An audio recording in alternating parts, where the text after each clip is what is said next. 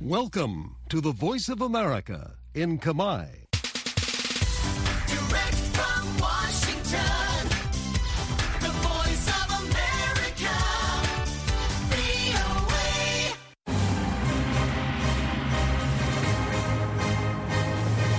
សួស្តីប្រិយមិត្តអ្នកស្ដាប់ជាទីមេត្រី នៅក្នុងកម្មវិធីផ្សាយតាមវិទ្យុរបស់ VOA នៅព្រឹកថ្ងៃពហុទី29ខែកុម្ភៈឆ្នាំ2024នេះខ្ញុំជើងពូជីននិងសហការីនៃក្រុមផ្សាយជាកាមេរ៉ាភាសាសូមស្វាគមន៍ប្រិយមិត្តពីរដ្ឋធានី Washington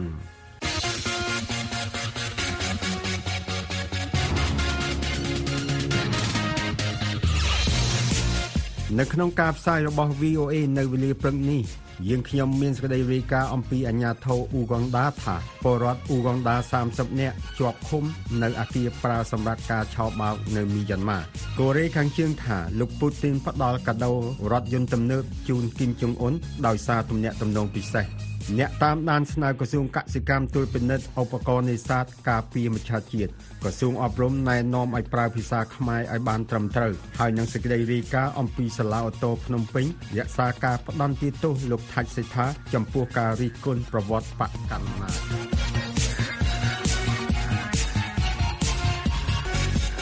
អាញាធរអ៊ូហ្គនដានិយាយថាពលរដ្ឋអ៊ូហ្គនដាប្រហែល30នាក់កំពុងជាប់ឃុំនៅមីយ៉ាន់ម៉ាជាទីដែលពួកគេត្រូវបានបង្ខំឲ្យធ្វើការជាជនឆបោកតាមប្រព័ន្ធអ៊ីនធឺណិត អាញាធរបានបន្តថាពលរដ្ឋទាំងនោះត្រូវបានបញ្ចុះបញ្ចូលដោយក្រុមជួញដូរមនុស្សដែលសន្យាផ្ដល់ការងារនិងឥឡូវនេះកំពុងត្រូវក្រុមជនអន្តពាលដែលដឹកនាំប្រតិបត្តិការឆបោកចាប់ឃុំអ្នកស្រី Halima Athumani ជួនក្តីរាយការណ៍នេះពីទីក្រុងកំប៉ាឡាប្រទេសអ៊ូហ្គនដា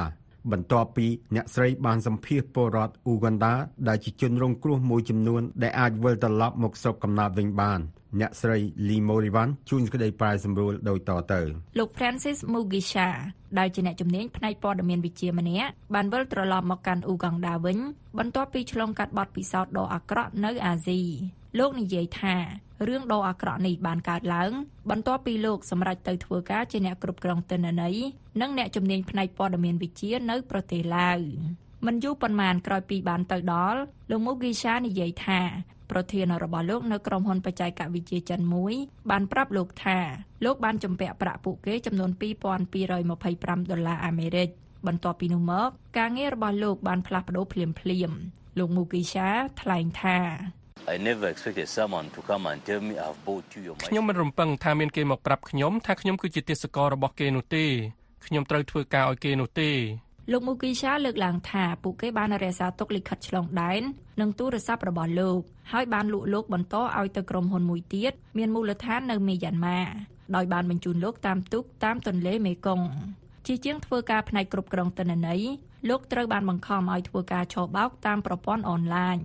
និងធ្វើការជាច្រើនម៉ោងក្រោមលក្ខខណ្ឌដ៏លំបាកលោកមូគីសាថ្លែងថា If you don't get a person that's uh, like they they would say it's a day which they would say it's not productive. So you end up you end up being punished being ប្រសិនបើអ្នកមិនអាចរកមនុស្សបានពួកគេនិយាយថាជាថ្ងៃដែលមិនបានផលដូច្នេះអ្នកត្រូវប្រឈមនឹងការវាយដំឆក់ខ្សែភ្លើងឃុំខ្លួនក្នុងបន្ទប់ជាដើមពេលខ្លះអ្នកត្រូវគេដាក់ច្រវាក់ជាប់នឹងកៅអី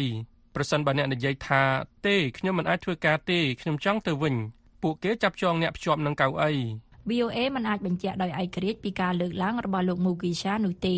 ក៏ប៉ុន្តែសេចក្តីលម្អិតនៃបទពិសោធន៍របស់លោកគឺស្រដៀងគ្នានឹងរបាយការណ៍ព័ត៌មានដទៃទៀតនិងឯកសារផ្លូវការស្តីពីវិស័យឆបោកតាមប្រព័ន្ធអ៊ីនធឺណិតដែលមានទំហំទឹកប្រាក់រាប់ពាន់លានដុល្លារនេះអង្គការសហប្រជាជាតិបានប្រមាណថាមនុស្សជាង120,000នាក់ត្រូវបានបង្ខំឲ្យធ្វើការតាមកន្លែងឆបោកនៅមីយ៉ាន់ម៉ា លោកមូគីសានិយាយថានៅទីបំផុតលោកអាចគេចខ្លួនចេញបានតាមរយៈការតាក់ទងមនុស្សជាច្រើនតាមអាចធ្វើបានដូចជាទៅកាន់ស្ថានទូតនានាដើម្បីសុំជំនួយពីអង្គការបេសកកម្មយុត្តិធម៌អន្តរជាតិដែលជាអង្គការក្រៅរដ្ឋាភិបាលអន្តរជាតិផ្នែកសិទ្ធិមនុស្សនិងស្ថានទូតអ៊ូហ្គង់ដានៅមីយ៉ាន់ម៉ាអាញាធរក្រុងកំប៉ាឡានិយាយថាពលរដ្ឋអ៊ូហ្គង់ដាប្រមាណ30នាក់កំពុងជាប់ឃុំក្រោមលក្ខខណ្ឌស្រដៀងគ្នានេះនៅតាមអគារនានានៅមីយ៉ាន់ម៉ា ក្នុងតំបន់គ្រប់គ្រងដោយក្រុមអ៊ូទៀមដែលប្រយុទ្ធនឹងរបបសឹកមីយ៉ាន់ម៉ាមន្ត្រីនិយាយថាប្រតិបត្តិការឆបោកទាំងនោះគឺធ្វើឡើងដោយក្រុមជនអន្តពាលចិនដីគោកដែលជាញឹកញាប់លួចនាំជនរងគ្រោះឆ្លងកាត់តាមប្រទេសកេនយ៉ាជនរងគ្រោះបានធ្លាក់ក្នុងដៃក្រុមជនអន្តពាលនេះនៅពេលដែលពួកគេមកដល់អាស៊ីលោក Derek Basaliva Kigenji គឺជាអនុប្រធានផ្នែកសម្របសម្រួលថ្នាក់ជាតិអ៊ូកង់ដាសម្រាប់ការប្រយុទ្ធប្រឆាំងនឹងការជួញដូរមនុស្ស លោកបាននិយាយថាអាញាធរអ៊ូកង់ដាបានលើកឡើងពីបញ្ហានេះទៅកាន់នាយករដ្ឋមន្ត្រីមីយ៉ាន់ម៉ាលោកមីនអងលៀងដែលបានសន្យាថាពលរដ្ឋអ៊ូកង់ដាដែលត្រូវបានដោះលែងនឹងមិនត្រូវរងបទចោទប្រកាន់ពាក់ព័ន្ធនឹងបញ្ហាអន្តោប្រវេសន៍នោះទេលោក Derek Basaliva Kigenji ថ្លែងថា But of course, they also acknowledge that uh, the area is rebel controlled. ក៏ប៉ុន្តែពិតណាស់ពួកគេក៏ទទួលស្គាល់ដែរថាតំបន់នេះគឺគ្រប់គ្រងដោយក្រុមឧទាម អ្វីដែលពាក់ព័ន្ធនឹងភាពគ្មានច្បាប់ទម្លាប់នៅក្នុងបរិបទសកម្មប្រយុទ្ធគឺមានលក្ខណៈស្មុគស្មាញអ្នកនាំពាក្យយោធាមីយ៉ាន់ម៉ាមិនបានឆ្លើយតបនឹងសំណើសុំការអធិប្បាយរបស់ VOA នោះទេអ្នកស្រីមីណាឆាំងគឺជាស្ថាបនិកអង្គការក្រៅរដ្ឋាភិបាល Humanity Research Consultants ដែលប្រយុទ្ធប្រឆាំងនឹងការជួញដូរមនុស្ស អ្នកស្រីនិយាយថាក្រុមជនអន្តពាលចាត់គោលដៅលើអ្នកដែលចេះនិយាយភាសាអង់គ្លេសនិងភាសាដទៃទៀតដែលគេអាចប្រើឲ្យឆបោកមនុស្សនៅក្រៅប្រទេសចិនអ្នកស្រីមីណាឆាំងថ្លែងថា East Africans do speak good English, so that means it's easier. ជនពីអាហ្វ្រិកខាងកើតនិយាយភាសាអង់គ្លេសបានល្អដូច្នេះមានន័យថាវាកាន់តែងាយស្រួលដើម្បីធ្វើការឆោបោកដោយពួកគេអាចចាត់គោលដៅលើជនជាតិដទៃទៀត ច្រើនជាងជនជាតិចិនអាចធ្វើបានដូចគ្នានេះដែរពេលខ្លះពួកអក្រិតជនចង់ប្រើជនរងគ្រោះឲ្យនិយាយតាមវីដេអូដើម្បីឆោបោកជនរងគ្រោះដទៃទៀតដូច្នេះគេត្រូវការមនុស្សដែលចេះនិយាយភាសាអង់គ្លេសពិតប្រាកដត្រូវទេប្រសិនបើគេដាក់ជនជាតិចិនដែលមិនចេះនិយាយភាសាអង់គ្លេសនោះវាពិបាកក្នុងការធ្វើការងារដូចនេះអ្នកស្រីឆាំងលើកឡើងថាសកម្មភាពឧក្រិដ្ឋកម្មនេះត្រូវបានការពារតាមរយៈអំពើពុករលួយជាប្រព័ន្ធនៅមីយ៉ាន់ម៉ាទាំងនៅក្នុងតំបន់គ្រប់គ្រងដោយរបបសឹក និងតំបន់គ្រប់គ្រងដោយក្រុមឧទាមជាទីដែលក្រុមជនមានអំណាចនិងរដ្ឋបាលដឹកនាំផ្ដល់ជំរកដល់ក្រុមជនអន្តពាលមានមូលដ្ឋាននៅចិនដីគោកពីរដ្ឋធានី Washington ខ្ញុំលីម៉ូរីវ៉ាន់ VOA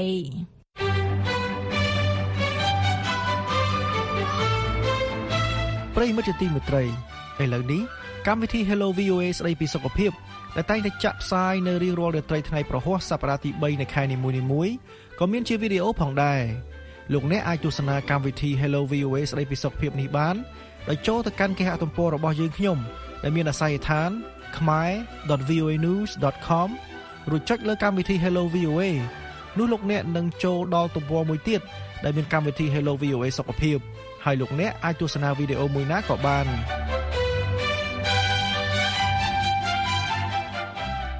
ប្រធានាធិបតីរុស្ស៊ីលោក Vladimir Putin បានផ្ដល់កាដូជារថយន្តប្រណិតមួយជូនដល់មេដឹកនាំកូរ៉េខាងជើងគីមចុងអ៊ុនជាទឹកតាំងបង្ហាញពីទំនាក់ទំនងពិសេសរវាងមេដឹកនាំទាំងពីរទីភ្នាក់ងារព័ត៌មាន AP មានសេចក្តីរាយការណ៍មួយជុំវិញរឿងនេះលោកជាវណ្ណរិទ្ធជួនសេចក្តីប្រាយសម្រួលដូចតទៅ ប្រធានាធិបតីរុស្ស៊ីលោក Vladimir Putin បានផ្ដល់កាដូជូនមេដឹកនាំកូរ៉េខាងជើងលោកគីមចុងអ៊ុននៅរថយន្តផលិតនៅរុស្ស៊ីមួយគ្រឿងសម្រាប់ការប្រើប្រាស់ផ្ទាល់ខ្លួននៅក្នុងការបង្ហាញពីទំនាក់ទំនងជាពិសេសរវាងមេដឹកនាំទាំងពីររូបនេះបើយោងតាមសេចក្តីរាយការណ៍របស់ប្រព័ន្ធឃោសនាកូរ៉េខាងជើងកាលពីថ្ងៃទី20ខែកុម្ភៈកន្លងទៅហើយដែលត្រូវបានស្រង់ផ្សាយដោយជីភ្នាក់ងារសារព័ត៌មាន AP សេចក្តីរាយការណ៍របស់ប្រព័ន្ធឃោសនារដ្ឋកូរ៉េខាងជើងមិនបានបញ្ជាក់ទេថាតើរថយន្តកាដូនោះជារថយន្តប្រភេទណាឬត្រូវបានដឹកជញ្ជូនមកតាមរបៀបណានោះទេប៉ុន្តែអ្នកសង្កេតការណ៍និយាយថាទង្វើនេះអាចជាការបំពានលើសេចក្តីសម្រេចចិត្តរបស់អង្គការសហប្រជាជាតិដែលដាក់បំរាមលើការពុតគង់ទំនិញប្រណិតទៅឲ្យកូរ៉េខាងជើងនៅក្នុងកិច្ចប្រឹងប្រែងដើម្បីដាក់សម្ពាធឲ្យប្រទេសនេះបោះបង់ចោលកម្មវិធីអាវុធនុយក្លេអ៊ែររបស់ខ្លួនទីភ្នាក់ងារសារព័ត៌មានកូរ៉េខាងជើងបានលើកឡើងថា ប្អូនស្រីរបស់លោកគីមចុងអ៊ុនគឺអ្នកស្រីគីមយូជុងនិងមន្ត្រីកូរ៉េខាងជើងមួយរូបទៀតបានទទួលកាដូរថយន្តនោះកាលពីថ្ងៃទី18ខែកុម្ភៈនិងថាអ្នកស្រីបានពំនាំសារថ្លែងអំណរគុណបន្តពីបងប្រុសរបស់អ្នកស្រីទៅកាន់លោកពូទីនផងដែររបាយការណ៍ព័ត៌មាននេះបន្តទៀតថាអ្នកស្រីគីមយូជុងបាននិយាយថាកាដូនេះជាការសរបញ្ជាក់ពីទំនាក់ទំនងបុគ្គលដ៏ពិសេសរវាងមេដឹកនាំទាំងពីររូប កូរ៉េខាងជើងនិងរុស្ស៊ីបានពង្រឹងកិច្ចសហប្រតិការយ៉ាងខ្លាំងចាប់តាំងពីលោកគីមបានធ្វើដំណើរទៅរុស្ស៊ីកាលពីខែកញ្ញាឆ្នាំមុនសម្រាប់កិច្ចប្រជុំកំពូលមួយជាមួយលោកពូទីនអំឡុងពេលនៃការធ្វើដំណើរទស្សនកិច្ចរបស់លោកគីមទៅកាន់ស្ថានីយបង្ហោះយានអវកាសរបស់រុស្ស៊ីនោះលោកពូទីនបានបង្ហាញមេដឹកនាំកូរ៉េខាងជើងនៅរថយន្តប្រភេទ Limousine ម៉ា Arusana របស់លោកហើយលោកគីមបានអង្គុយនៅកៅអីខាងក្រោយ យោងតាមទីភ្នាក់ងារសារព័ត៌មានរុស្ស៊ី TASS បានឲ្យដឹងថារថយន្ត Maru Senat គឺជាប្រភេទរថយន្តដ៏ប្រណិតដំបូងរបស់រុស្ស៊ីហើយត្រូវបានប្រើប្រាស់នៅក្នុងក្បួនរថយន្តរបស់មន្ត្រីជាន់ខ្ពស់រួមទាំងក្បួនរថយន្តរបស់លោកពូទីនផងដែរចាប់ពីពេលលោកបានប្រើប្រាស់រថយន្តប្រភេទនេះដំបូងមកក្នុងអំឡុងពេលពិធីស្បត់ចូលកាន់តំណែងកាលពីឆ្នាំ2018 លោកគីមចុងអ៊ុនវ័យ40ឆ្នាំត្រូវគេដឹងថាមានរថយន្តប្រណិតប្រណិតផលិតនៅបរទេសមួយចំនួនដែលគេជឿថាត្រូវបានលួចនាំចូលមកកូរ៉េខាងជើងដោយបំពេញលើសេចក្តីសម្រេចចិត្តរបស់អង្គការសហប្រជាជាតិអំឡុងពេលទស្សនកិច្ចទៅកាន់រុស្ស៊ីលោកបានធ្វើដំណើរពីកន្លែងប្រជុំមួយទៅកន្លែងប្រជុំមួយទៀតនៅក្នុងរថយន្ត Limousine ប្រភេទ Maybach ដែលលោកបាននាំយកមកជាមួយផ្ទាល់ខ្លួនតាមរថភ្លើងពិសេស អំឡុងពេលដំណើរទស្សនកិច្ចទៅកាន់ប្រទេសរុស្ស៊ីកាលពីឆ្នាំ2019លោកគីមមានរថយន្ត Limousine 2រងចាំរូបលោកនៅស្ថានីយ៍ Vladivostok ដែលមួយជាម៉ាក Mercedes Maybach S600 Pullman Guard និងមួយទៀតជាម៉ាក Mercedes Maybach S62 លោកក៏ត្រូវបានគេរាយការណ៍ថាបានប្រើប្រាស់រថយន្តប្រភេទ S600 Pullman Guard ពេលធ្វើដំណើរអំឡុងពេលកិច្ចប្រជុំកំពូលទាំងពីរលើកជាមួយអតីតប្រធានាធិបតីអាមេរិកលោក Donald Trump នៅសិង្ហបុរីកាលពីឆ្នាំ2018 និងនៅវៀតណាមកាលពីឆ្នាំ2019ផងដែរកាលពីឆ្នាំ2018លោកគីមបានប្រើប្រាស់រថយន្ត Limousine ម៉ាក Mercedes ពណ៌ខ្មៅដើម្បីវិលត្រឡប់ទៅកូរ៉េខាងជើងវិញបន្ទាប់ពីជំនួបជាមួយអតីតប្រធានាធិបតីកូរ៉េខាងត្បូងលោក Moon Jae-in នៅភូមិមួយដែលស្ថិតនៅព្រំប្រទល់រួមរវាងកូរ៉េទាំងពីរការដែលលោកគីមមានរថយន្តពិសេសទំនើបថ្លៃៗពីបរទេសជាច្រើនគ្រឿងនេះបង្ហាញពីចន្លោះប្រហោងនៃទនកម្មអន្តរជាតិមកលើកូរ៉េខាងជើង រុស្ស៊ីបានបោះឆ្នោតគាំទ្រលើការដាក់បំរាមការផ្គត់ផ្គង់ទំនិញប្រណិតប្រណិតទៅឲ្យកូរ៉េខាងជើងបើទោះបីក្នុងឋានៈជាសមាជិកក្រុមប្រឹក្សាសន្តិសុខអចិន្ត្រៃយ៍រុស្ស៊ីអាចបោះឆ្នោតប្រឆាំងនឹងសេចក្តីសម្រេចចិត្តនេះក៏ដោយទំនាក់ទំនងកាន់តែជិតស្និទ្ធរវាងកូរ៉េខាងជើងនិងរុស្ស៊ីបានកើតឡើងស្របពេលប្រទេសទាំងពីរបានកំពុងចុកក្នុងការប្រជុំដាច់ដោយឡែកពីគ្នាជាមួយសហរដ្ឋអាមេរិកនិងបណ្ដាប្រទេសសម្ព័ន្ធមិត្តដោយក្នុងនោះកូរ៉េខាងជើង ប្រឈមនឹងការជំរុញទៅមុខនៃកម្មវិធីអាវុធនុយក្លេអ៊ែររបស់ខ្លួនហើយរុស្ស៊ីប្រឈមនឹងការធ្វើសង្គ្រាមអូសបន្លាយក្នុងប្រទេសអ៊ុយក្រែនសហរដ្ឋអាមេរិកកូរ៉េខាងត្បូងនិងដៃគូផ្សេងផ្សេងទៀតបានចោទប្រកាន់កូរ៉េខាងជើងពីការបញ្ជូនសពាវុធទៅឲ្យរុស្ស៊ីចំពោះសង្គ្រាមនៅអ៊ុយក្រែនជាការដោះដូរនឹងបច្ចេកវិទ្យាទំនើបទំនើបនិងជំនួយដទៃផ្សេងទៀតពីរុស្ស៊ី បន្ទាប់ពីរដ្ឋមន្ត្រីការបរទេសកូរ៉េខាងជើងបានវិលត្រឡប់មកមាតុភូមិវិញក្រោយដំណើរទស្សនកិច្ចទៅកាន់រុស្ស៊ីកាលពីខែមករាកន្លងទៅនេះបណ្ដាញប្រព័ន្ធផ្សព្វផ្សាយរដ្ឋកូរ៉េខាងជើងបានរាយការណ៍ថាលោកពូទីនបានបង្ហាញឆន្ទៈក្នុងការធ្វើទស្សនកិច្ចមកកាន់កូរ៉េខាងជើងក្នុងពេលឆាប់ៗខាងមុខនេះផងដែរពីរដ្ឋធានី Washington ខ្ញុំជ្រាវណ្ណរិទ្ធ VOA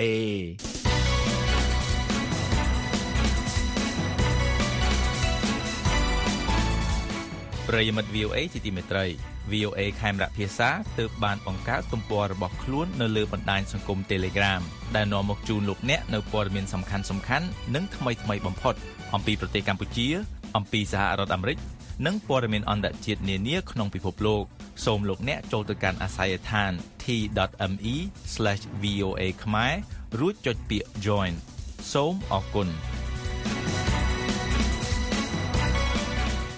ក្រោយមានប្រតិកម្មពីមហាជនលើឧបករណ៍នេសាទមួយប្រភេទមានរាងដូចព្រួញឬហៅថាលូបឡុកដាក់ពាសពេញផ្ទៃទឹកក្នុងឃុំផាត់សណ្ដាយស្រុកកំពង់ស្វាយខេត្តកំពង់ធំក្រសួងកសិកម្មអះអាងថាវាជាឧបករណ៍នេសាទស្របច្បាប់តែប្រមានចាត់វិធានការចំពោះការដាក់លូបលើសប្រវែងនិងខុសទំហំកន្លះម៉ោង សង្គមស៊ីវិលស្នើឲ្យក្រសួងកសិកម្មត្រួតពិនិត្យឲ្យបានច្បាស់លាស់ពាក់ព័ន្ធនឹងឧបករណ៍នេសាទបែបនេះដែលនាំឲ្យមានការបារម្ភថានឹងធ្វើឲ្យបាត់បង់ធនធានជលផលលោកលាស់លីបលីបរីកាលំអិតឲ្យ VOA ពីរាជធានីភ្នំពេញដោយតទៅ រដ្ឋបាលជលផលអះអាងថាឧបករណ៍នេសាទដែលមានរាងព្រួញឬហៅថាលើបឡុកដែលកំពុងត្រូវបានប្រើប្រាស់ប្រងព្រាតលើផ្ទៃទឹកក្នុងឃុំផាត់សណ្ដាយខេត្តកំពង់ធំជាឧបករណ៍ស្របច្បាប់តែប្រមានចាត់វិធានការចំពោះការដាក់លើបលើប្រវែងនិងខុសទំហំក្រឡាមើងទន្ទឹមនឹងការអះអាងរបស់រដ្ឋបាលជលផលសង្គមស៊ីវិលក៏ស្នើក្រសួងកសិកម្មស៊ើបអង្កេតឲ្យបានច្បាស់លាស់ពាក់ព័ន្ធនឹងឧបករណ៍នេសាទរាងព្រួញដែលអ្នកប្រើប្រាស់បណ្ដាញសង្គមចែកចាយតៗគ្នាភ្ជាប់នឹងការបារម្ភថាអាចបណ្ដាលឲ្យបាត់បង់ធនធានមច្ឆជាតិក្នុងសេចក្តីប្រកាសព័ត៌មានរបស់រដ្ឋបាលជលផលនៃក្រសួងកសិកម្មចេញនៅថ្ងៃទី27ខែកុម្ភៈឆ្នាំ2024បញ្ជាក់ថាឧបករណ៍របាំងលើបទាំងនោះជាឧបករណ៍នេសាទស្របច្បាប់ហើយថាទីតាំងនោះជាផ្នែកតូចមួយនៃបឹងទន្លេសាបដែលមានឈ្មោះថាកន្លុកបាយក្អែកសេចក្តីប្រកាសព័ត៌មាននោះបន្ថែមតាមន័យដើមថាកន្លុកបាយក្អែកនៅក្នុងឃុំផាត់សណ្ដាយស្រុកកំពង់ស្វាយខេត្តកំពង់ធំមិនមែនស្ថិតលើផ្ទៃបឹងទន្លេសាបឬច្រកផ្លូវដែលត្រូវឆ្លងកាត់ឡើយកញ្ញាអឹមរចនាអ្នកនាំពាក្យក្រសួងកសិកម្មប្រាប់ VOA នៅថ្ងៃពុធនេះថាប្រជានេសាទនៃបឹងទន្លេសាបតែងតែប្រើប្រាស់ឧបករណ៍ដែលមានរាងដូចព្រួញនោះសម្រាប់នេសាទដើម្បីទ្រទ្រង់ជីវភាពប្រចាំថ្ងៃកញ្ញាអឹមរចនាប្រាប់ VOA ជាអសរតាមបណ្ដាញទំនាក់ទំនង Telegram នៅថ្ងៃពុធនេះថានេះជាឧបករណ៍នេសាទស្របច្បាប់ដោយកំណត់ប្រវែងនិងក្រឡាមើងតែប្រជានេសាទមួយចំនួនដាក់លើសប្រវែងនិងប្រើប្រាស់ក្រឡាមើងទៅជាងអ្វីដែលមានកំណត់ក្នុងច្បាប់អ្នកនាំពាក្យក្រសួងកសិកម្មរូបនេះបន្ថែមថាមន្ត្រីជំនាញដែលប្រចាំការនៅបឹងទន្លេសាបក្នុងភូមិសាស្ត្រខេត្តទាំង5នឹងចាត់វិធានការបង្ក្រាបទាក់ទងនឹងការដាក់លើបលើសប្រវែងនិងខុសទំហំក្រឡាមើងទាំងនោះ VOA មិនអាចសុំការអធិប្បាយពីលោកងួនរតនាអភិបាលខេត្តកំពង់ធំបាននៅឡើយទេលោកហេងកំហុងប្រធានប្រតិបត្តិនៃសមាគមបណ្ដាញយុវជនកម្ពុជាយល់ថារូបភាពឧបករណ៍នេសាទដែលមានរាងដូចព្រួញប្រទាក់ក្រឡាគ្នាស្អិចស្កេះលើផ្ទៃទឹកនោះធ្វើឲ្យមានការព្រួយបារម្ភខ្លាំងថាអាចបង្កផលប៉ះពាល់ដល់ធនធានមច្ឆជាតិនិងនិរន្តរភាពធនធានមច្ឆជាតិក្នុងតំបន់នោះលោកស្នើក្រសួងកសិកម្មស៊ើបអង្កេតត្រួតពិនិត្យនិងរកមធ្យោបាយឬកំណត់ឲ្យច្បាស់នៅទំហំនិងវិសាលភាពចំពោះការប្រើប្រាស់ឧបករណ៍លើបការពង្រាយមើងនិងការដាក់ពង្រាយស្បៃធ្វើយ៉ាងណាកុំឲ្យប៉ះពាល់និងរំខានដល់ការចល័តឬធ្វើដំណើររបស់មច្ឆជាតិលោកស្នើឲ្យមានការដាក់ទោសទៅលើបុគ្គលដែលប្រើប្រាស់ឧបករណ៍នេសាទខុសច្បាប់បណ្ដាលឲ្យប៉ះពាល់ដល់ធនធានធម្មជាតិនិងធនធានមច្ឆា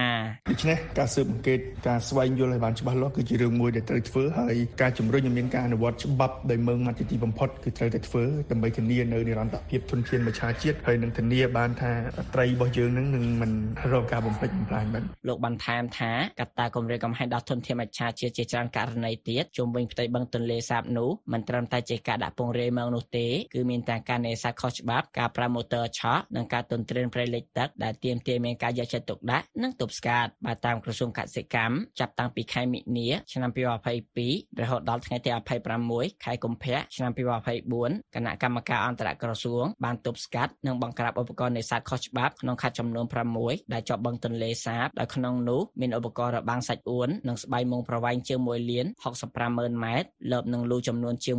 15,000គ្រឿងឧបករណ៍ឆក់ក្តៅនិងឆក់ត្រជាក់ប្រមាណ1,500គ្រឿងអួនអូសទឹកសាបចំនួន53វងអួនហ៊ុនចំនួន33វងនិងឧបករណ៍ខុសច្បាប់មួយចំនួនទៀតរាយការណ៍ពីរាជធានីភ្នំពេញខ្ញុំតាស់លៀបលៀប VOA Voice of America. VOA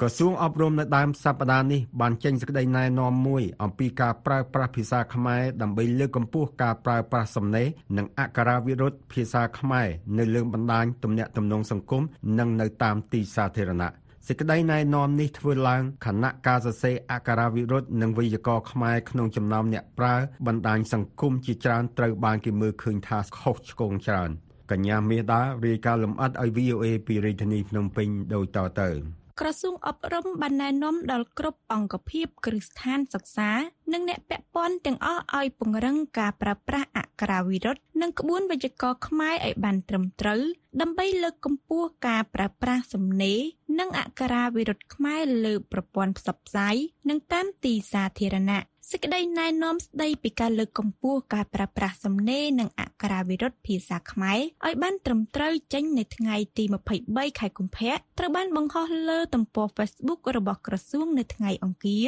មានការណែនាំចំនួន8ចំណុចដល់គ្រប់ស្ថាប័ននិងអ្នកពាក់ព័ន្ធរួមទាំងមេដាបេដានិងអាណាព្យាបាលសិស្សផងសេចក្តីណែនាំនេះបញ្ជាក់តាមន័យដើមថាក្នុងគោលបំណងលើកកម្ពស់ការប្រើប្រាស់សំណេរនិងអក្ខរាវិរុទ្ធខ្មែរនៅលើបណ្ដាញផ្សព្វផ្សាយបណ្ដាញទំនាក់ទំនងសង្គមនិងតាមទីសាធារណៈទាំងក្បួនសរសេរអក្ខរាវិរុទ្ធនិងវេយ្យាករណ៍ព្រមទាំងបណ្ដុះស្មារតីស្រឡាញ់និងថែរក្សាអក្សរនិងភាសាជាតិឲ្យបានគង់វង្សនិងរីកចម្រើនថែមទៀតក្រសួងបានណែនាំដល់គ្រប់អង្គភាពទាំងសាធារណៈនិងឯកជនសិស្សានុសិស្សយុវជននិងពលពលរដ្ឋត្រូវយកចិត្តទុកដាក់និងខិតខំប្រើប្រាស់ភាសាខ្មែរទាំងលើការអាន ការសរសេរនិងការនិយាយឲ្យបានត្រឹមត្រូវតាមអក្ខរាវិរុទ្ធនិងវេយ្យាករណ៍ភាសាខ្មែរគ្រប់ស្ថានភាពទោះក្នុងបណ្ដាញទំនាក់ទំនងសង្គមឬទំនាក់ទំនងផ្ទាល់ការផ្សព្វផ្សាយឬចែករំលែកព័ត៌មាននិងការកំសាន្តណាមួយក្តីក្រសួងបានណែនាំឲ្យអ្នកពាក់ព័ន្ធទាំងអស់ត្រូវជួយជំរុញនិងលើកទឹកចិត្តសិស្ស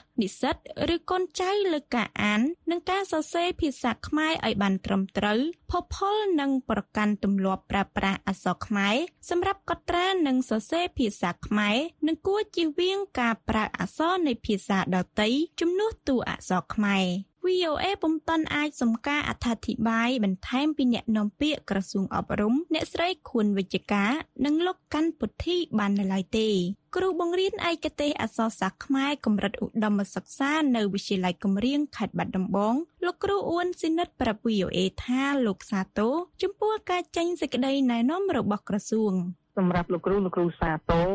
យ៉ាងខ្លាំងចំពោះការណែនាំរបស់ក្រសួងអប់រំពាក់ព័ន្ធនឹងសំណេរអក្ខរាវិរុទ្ធតែប្រើប្រាស់ឲ្យត្រឹមត្រូវព្រោះនេះវាជាភាសារបស់ជាតិអញ្ចឹងយើងគួរតែមានមោទនភាពហើយនាំគ្នាប្រើប្រាស់យើងមិនអាចឲ្យបរទេសមកនិយមប្រើអក្សរភាសារបស់ជាតិយើងបានទេអញ្ចឹងមានតែចាប់ផ្ដើមពីជើងម្នាក់ម្នាក់មានស្មារតីជាតិនិយមយើងស្រឡាញ់យើងចូលចិត្តយើងប្រើ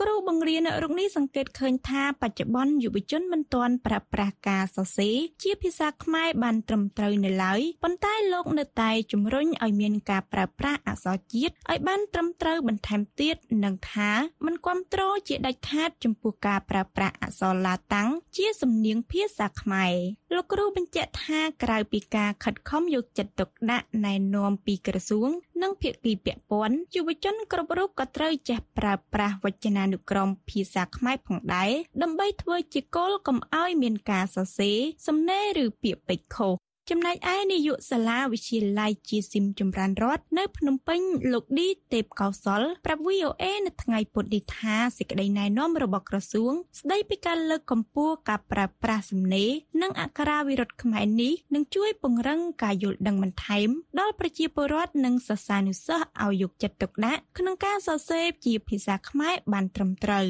។ បាទឥឡូវនេះយើងឃើញចាក់ស្ដែងហើយគុំថាឡើយថាប្រជាពលរដ្ឋសាមញ្ញប្រជាពលរដ្ឋសាមញ្ញគឺសរសេរជាទូទៅទំនេរអីហ្នឹងគាត់អត់សូវខ្វល់ពីអក្ខរាវិរុទ្ធទេទាំងភាសាដែលគាត់សរសេរនៅក្នុងបណ្ដាញសង្គមក្នុង Facebook ឬក៏សរសេរអក្សរតាមផ្លាកយីហោយផ្សេងផ្សេងបងឃើញតាមផ្លូវតាមអីហើយគាត់ដាក់ថាម៉េចឲ្យដល់បានថាអានត្រូវអញ្ចឹងជាទូទៅប្រជាពលរដ្ឋលោកអត់ទៅខ្វល់ទេពីរឿង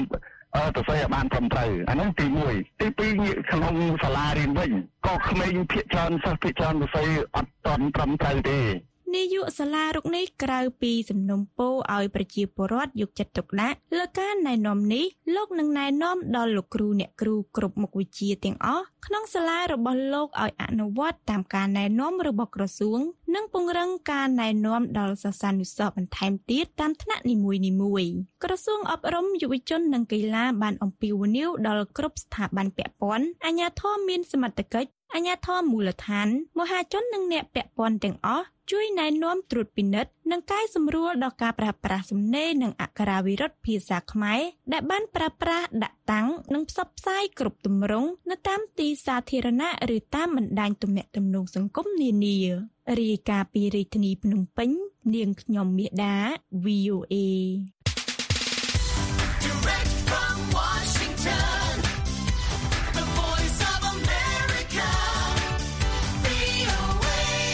សាលាអូតូភ្នំពេញបានសម្រេចរក្សាការផ្ដន់ទីតោសអនុប្រធានគណៈបកភ្លើងទៀនលោកថាច់សិដ្ឋាចំពោះការថ្លែងសារនយោបាយនៅប្រទេសកូរ៉េខាងត្បូងអំពីប្រវត្តិរបស់គណៈបកប្រជាជនកម្ពុជានៅថ្ងៃ7មករាមន្ត្រីសិទ្ធិមនុស្សយល់ថាការសម្ដែងរបស់តុលាការលើក្តីក្តាំមានចរិតនយោបាយនិងបង្កឲ្យមានការរិះគន់ពីបណ្ដាប្រទេសកាន់លទ្ធិប្រជាធិបតេយ្យលោកហ៊ុលរស្មីរីកាយ VOA ពីរាជធានីភ្នំពេញដូចតទៅ សាលាឧទ្ធរភ្នំពេញកាលពីថ្ងៃអង្គារបានសម្រេចតម្កល់ការកាត់ទោសរបស់សាលាដំបងលើអនុប្រធានគណៈបកភ្លើងទៀនលោកថៃសេថា ពីបទញុះញង់បង្កឲ្យមានភាពវឹកវរធ្ងន់ធ្ងរដល់សន្តិសុខសង្គមនិងញុះញង់ឲ្យមានការរើសអើងចំពោះការថ្លែងសារនយោបាយពាក់ព័ន្ធនឹងថ្ងៃ7មករានិងការបង្កើតគណៈបកប្រជាជនកម្ពុជានេះបើតាមមេធាវីការពីក្តីរបស់លោកថៃសេថាលោកថៃសិដ្ឋាអាយុ70ឆ្នាំជាអ្នកនយោបាយដែលមានដើមកំណើតខ្មែរក្រោម និងជាប្រធានសហគមន៍ខ្មែរកម្ពុជាក្រោមលោកក៏ជាអតីតសមាជិកប្រសិទ្ធិមកពីគណៈបកសំរងស៊ីផងដែរមេធាវីការពីក្តីលោកថៃសិដ្ឋាគឺលោកជុងជូងីប្រាប់ VOA នៅថ្ងៃពុធនេះថាការសម្រេចរបស់សាឡាវធរកាលពីម្សិលមិញ គឺយោងទៅតាមការអត្ថាធិប្បាយរបស់កូនក្តីលោកអំពីថ្ងៃ7មករានិងការបង្កើតគណៈបកប្រជាជនកម្ពុជាដែលកូនក្តីលោកថាជាការថ្លែង ក្នុងន័យផ្សះផ្សាជាតិមិនមែនក្នុងន័យឲ្យមានការញុះញង់និងការរើសអើងនោះទេគាត់ថាអយុធធម៌សម្រាប់គាត់គាត់អត់មានបំណងញុះញង់អីផងហ្នឹងគាត់មានបំណងចង់ឲ្យមានការផ្សះផ្សាជាតិខ្លាចជាតិបែកបាក់កាលពីខែតុលាឆ្នាំ2023លោកថៃសិដ្ឋាត្រូវបានសាលាដំបងរាជធានីភ្នំពេញផ្ដន្ទាទោសដាក់ពន្ធនាគារចំនួន3ឆ្នាំនិងពិន័យជាប្រាក់4លានរៀលប្រហែល1000ដុល្លារអាមេរិក លោកត្រូវបានកាត់ទោសដោយផ្អែកលើព្រឹត្តិការណ៍នៅពេលលោកថ្លែងសារទៅកាន់អ្នកគាំទ្រអតីតគណៈបកសង្គ្រោះជាតិអំឡុងពេលទស្សនកិច្ចនៅប្រទេសកូរ៉េខាងត្បូងនេះបើតាមអង្គការការពារសិទ្ធិមនុស្សលីកាដូនាយកទទួលបន្ទុកកិច្ចការទូតទៅអង្គការសិទ្ធិមនុស្សលីកាដូលោកអំសំអាតថ្លែងថាតុលាការសាលាឧទ្ធរលើកយកពីសារនយោបាយរបស់លោកថៃសិដ្ឋាដែលបានថ្លែងនៅប្រទេសកូរ៉េខាងត្បូងអំពីប្រវត្តិនៃការបង្កើតគណៈបកប្រជាជនកម្ពុជានៅថ្ងៃ7មករា មករក្សាទុកសាលដីការបស់សាលាដំបងរាជធានីភ្នំពេញលោកផ្ដល់ការកត់សម្គាល់ថាការកាត់សេចក្តីលើសំណុំរឿងដែលជាប់ហេតុផលនយោបាយនឹងនាំឲ្យមានការរិះគន់បន្តបន្ទាប់ទៀតពីក្រមប្រទេសប្រជាធិបតេយ្យយើងឃើញសហគមន៍អឺរ៉ុបក្តីសហរដ្ឋអាមេរិកឬក៏អង្គការអន្តរជាតិជាច្រើនគេតែងតែអឺសម្ដែងនៃការព្រួយបារម្ភហើយមានការទៀមទាមានការ ទម្លាក់បទចោលទៅលើអ្នកនយោបាយសកម្មជននយោបាយសកម្មជនសិទ្ធិមនុស្សសកម្មជនការងារសង្គមសកម្មជនបរិស្ថានអីជាដើមណាបាទគេថាដើម្បីពង្រឹងឡើងវិញនៅការគោរពសិទ្ធិមនុស្សនិងលទ្ធិប្រជាធិបតេយ្យជាដើមអញ្ចឹងករណីទាំងអស់នេះខ្ញុំមើលឃើញថាអាចនឹងមានការរិះគន់ដដែលដដែលនេះជាបន្តទៅទៀត សម្រាប់តែកម្ពុជាយើងណា VOA មិនអាចតតងសុំការអធិប្បាយពីអ្នកនាំពាក្យសាឡៅធរភ្នំពេញលោកខុនលៀងម៉េងបានទេតាមប្រព័ន្ធទំនាក់ទំនង Telegram នេះជាករណីទី2ហើយដែលលោកថៃសិដ្ឋាត្រូវបានសាលាដំបងរាជធានីភ្នំពេញផ្ដន្ទាទោសហើយសេចក្តីសម្រេចនេះក៏ត្រូវបានសាលាឧទ្ធរភ្នំពេញសម្រេចតម្កល់ទុកជាបានការក្នុងរយៈពេលប្រមាណខែចុងក្រោយនេះនេះបើតាមសេចក្តីប្រកាសព័ត៌មានរបស់អង្គការការពារសិទ្ធិមនុស្ស លីកាដូដែលបានចេញផ្សាយកាលពីថ្ងៃអង្គារសេចក្តីប្រកាសព័ត៌មានដដែលឲ្យដឹងទៀតថាកាលពីខែមករាឆ្នាំ2024សាលាឧទ្ធរភ្នំពេញបានបង្កល់សេចក្តីសម្រេចរបស់សាលាដំបងរាជធានីភ្នំពេញដែលបានរកឃើញថាលោកសេដ្ឋាមានពិរុទ្ធលើបទចោទមិនបំពេញកាតព្វកិច្ចចំពោះឧបករណ៍ដែលអាចជួញដូរបានហើយបានសម្រេចផ្តន្ទាទោសលោកដោយដាក់ពន្ធនាគារកំណត់ចំនួន18ខែពីនៃជាប្រាក់ចូលថវិការដ្ឋ និងផ្ដល់សំណងទៅដើមមិនដឹងក្នុងសំណុំរឿងចេញសាយអត់ប្រាក់នេះលោកថៃសិដ្ឋាធ្លាប់ប្រាប់ចៅក្រមក្នុងអង្គសវនាការជំនុំជម្រះកន្លងមកថាលោកមិនធ្លាប់ចេញសែកឲ្យដើមមិនដឹងរដ្ឋប្រវេណីគឺហាកបញ្ចាំរិនឆាយនោះទេតាំងពីឆ្នាំ2016មកតែលោកបែជាត្រូវបានចាប់ខ្លួនដោយគ្មានភស្តុតាងគ្រប់គ្រាន់រហូតត្រូវផ្ដន្ទាទោសទាំងអយុត្តិធម៌នេះបើតាមលោកសឿនជំជួនមេធាវីការពីក្តីម្នាក់ទៀតរបស់លោកថៃសិដ្ឋា បើតាមអង្គការលីកាដូលោកថៃសិដ្ឋាបានជាប់ពន្ធនាគារអស់រយៈពេល407ថ្ងៃមកហើយក្នុងសំណុំរឿងចេញសាយគ្មានប្រាក់នេះលោកត្រូវបានដាក់ឲ្យស្ថិតក្នុងពន្ធនាគារគិតចាប់តាំងពីមានការចាប់ខ្លួនលោកកាលពីខែមករាឆ្នាំ2023រាយការណ៍ពីរាជធានីភ្នំពេញខ្ញុំហុលរស្មី VOA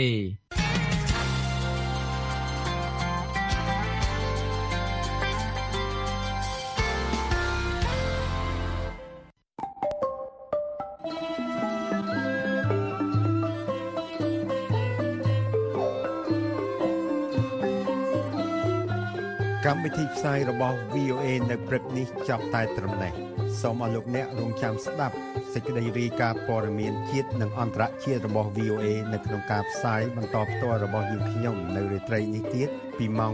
8:30នាទីដល់ម៉ោង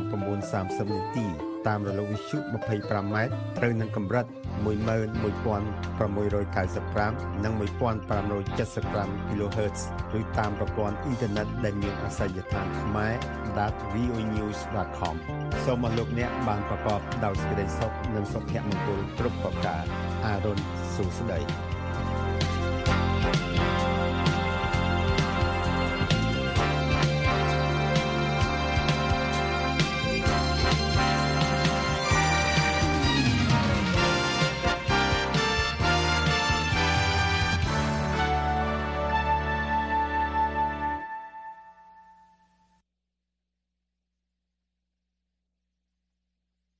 This program has come to you from the Voice of America, Washington.